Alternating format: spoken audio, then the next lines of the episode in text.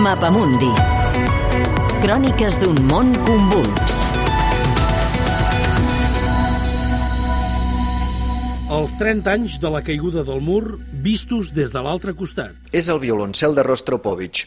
11 de novembre del 1989. Li han deixat una cadira i toca al davant del mur de Berlín. La gent el va envoltant. Dos dies abans el músic veia per televisió la caiguda del mur i se n'hi va anar a interpretar aquesta peça. A la Unió Soviètica no hi podia tocar feia més de 10 anys perquè li havien retirat la ciutadania.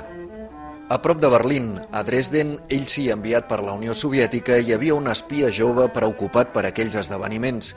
Vladimir Putin va treballar a Alemanya de l'Est del 1985 al 1990. Pocs dies abans de la caiguda del mur, va viure una situació que el marcaria durant temps. Un grup de gent van acostar-se a protestar a l'edifici on treballava tant el KGB com els seus col·legues dels serveis d'intel·ligència de la República Democràtica Alemanya, l'Stasi, i així va relatar Putin aquells fets. Aquella gent tenien una actitud agressiva. Vaig trucar als nostres militars i els vaig explicar la situació i em van dir no podem fer res sense ordres de Moscou i Moscou no diu res. Després d'unes hores, finalment, va arribar el nostre personal militar i la multitud es va dispersar però amb allò de Moscou no diu res, vaig tenir la sensació que el país havia deixat d'existir, que havia desaparegut. Era clar que l'URSS estava malalta, tenia una malaltia terminal sense cura, una paràlisi de poder. Ja es podia entreveure com exerciria posteriorment el poder, amb duresa sense contemplacions, però Vladimir Putin sempre ha dit que aquell mur no tenia cap sentit perquè dividia un país. L'únic que em sap greu és que la Unió Soviètica havia perdut la seva posició a Europa. Un dels blocs que formaven part del mur de Berlín va viatjar a Moscou, el formigó té un forat per on voleien papallones, són lliures. És una escultura molt desconeguda situada al costat del centre Sàharov. I aquí el director de la institució, Sergei Lukashevsky, ens explica com es va seguir des de dintre Rússia la notícia que aquella tanca de Berlín passava a la història. Les notícies de la caiguda del mur de Berlín la rebíem amb incredulitat i admiració. Semblava impossible de creure, però al mateix temps era realitat. I com més temps passava, més irreversible semblava aquell canvi. Perquè tots recordaven perfectament que fins a aquell moment la Unió Soviètica reaccionava a qualsevol agitació al bloc de l'est de la mateixa manera, amb la intervenció militar.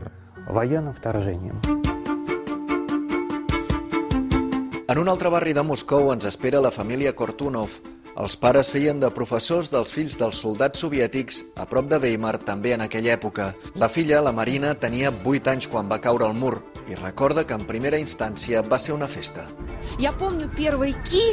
Vaig poder menjar el primer kiwi i va arribar roba molt bonica que abans no veiem a les botigues de l'Alemanya de l'Est. Hi havia eufòria.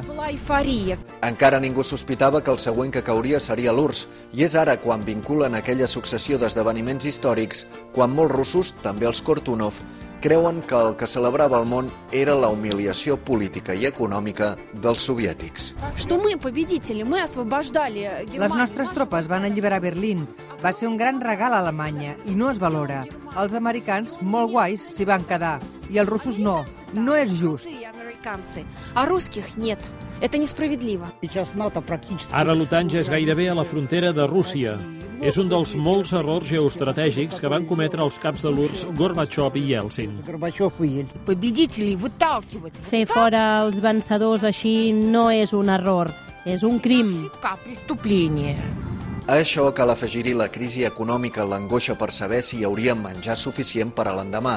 Malgrat aquestes dificultats, l'anomenada intel·ligència valora aquells anys de reformes impulsades per Gorbachev positivament, gràcies als quals Galina Sidorova, per exemple, aleshores una periodista jove, va poder exercir, diu que amb més llibertat que fins i tot ara, la seva feina.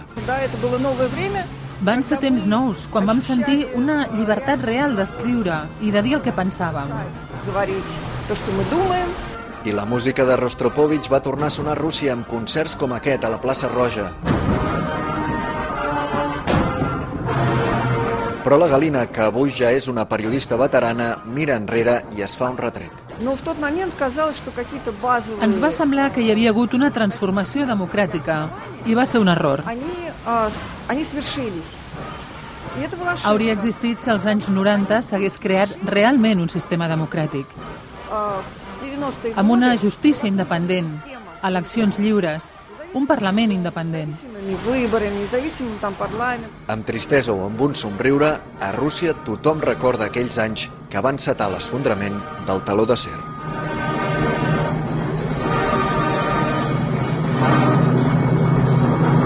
És un reportatge de Manel Elias des de Moscou, disponible al podcast del Mapa Mundi.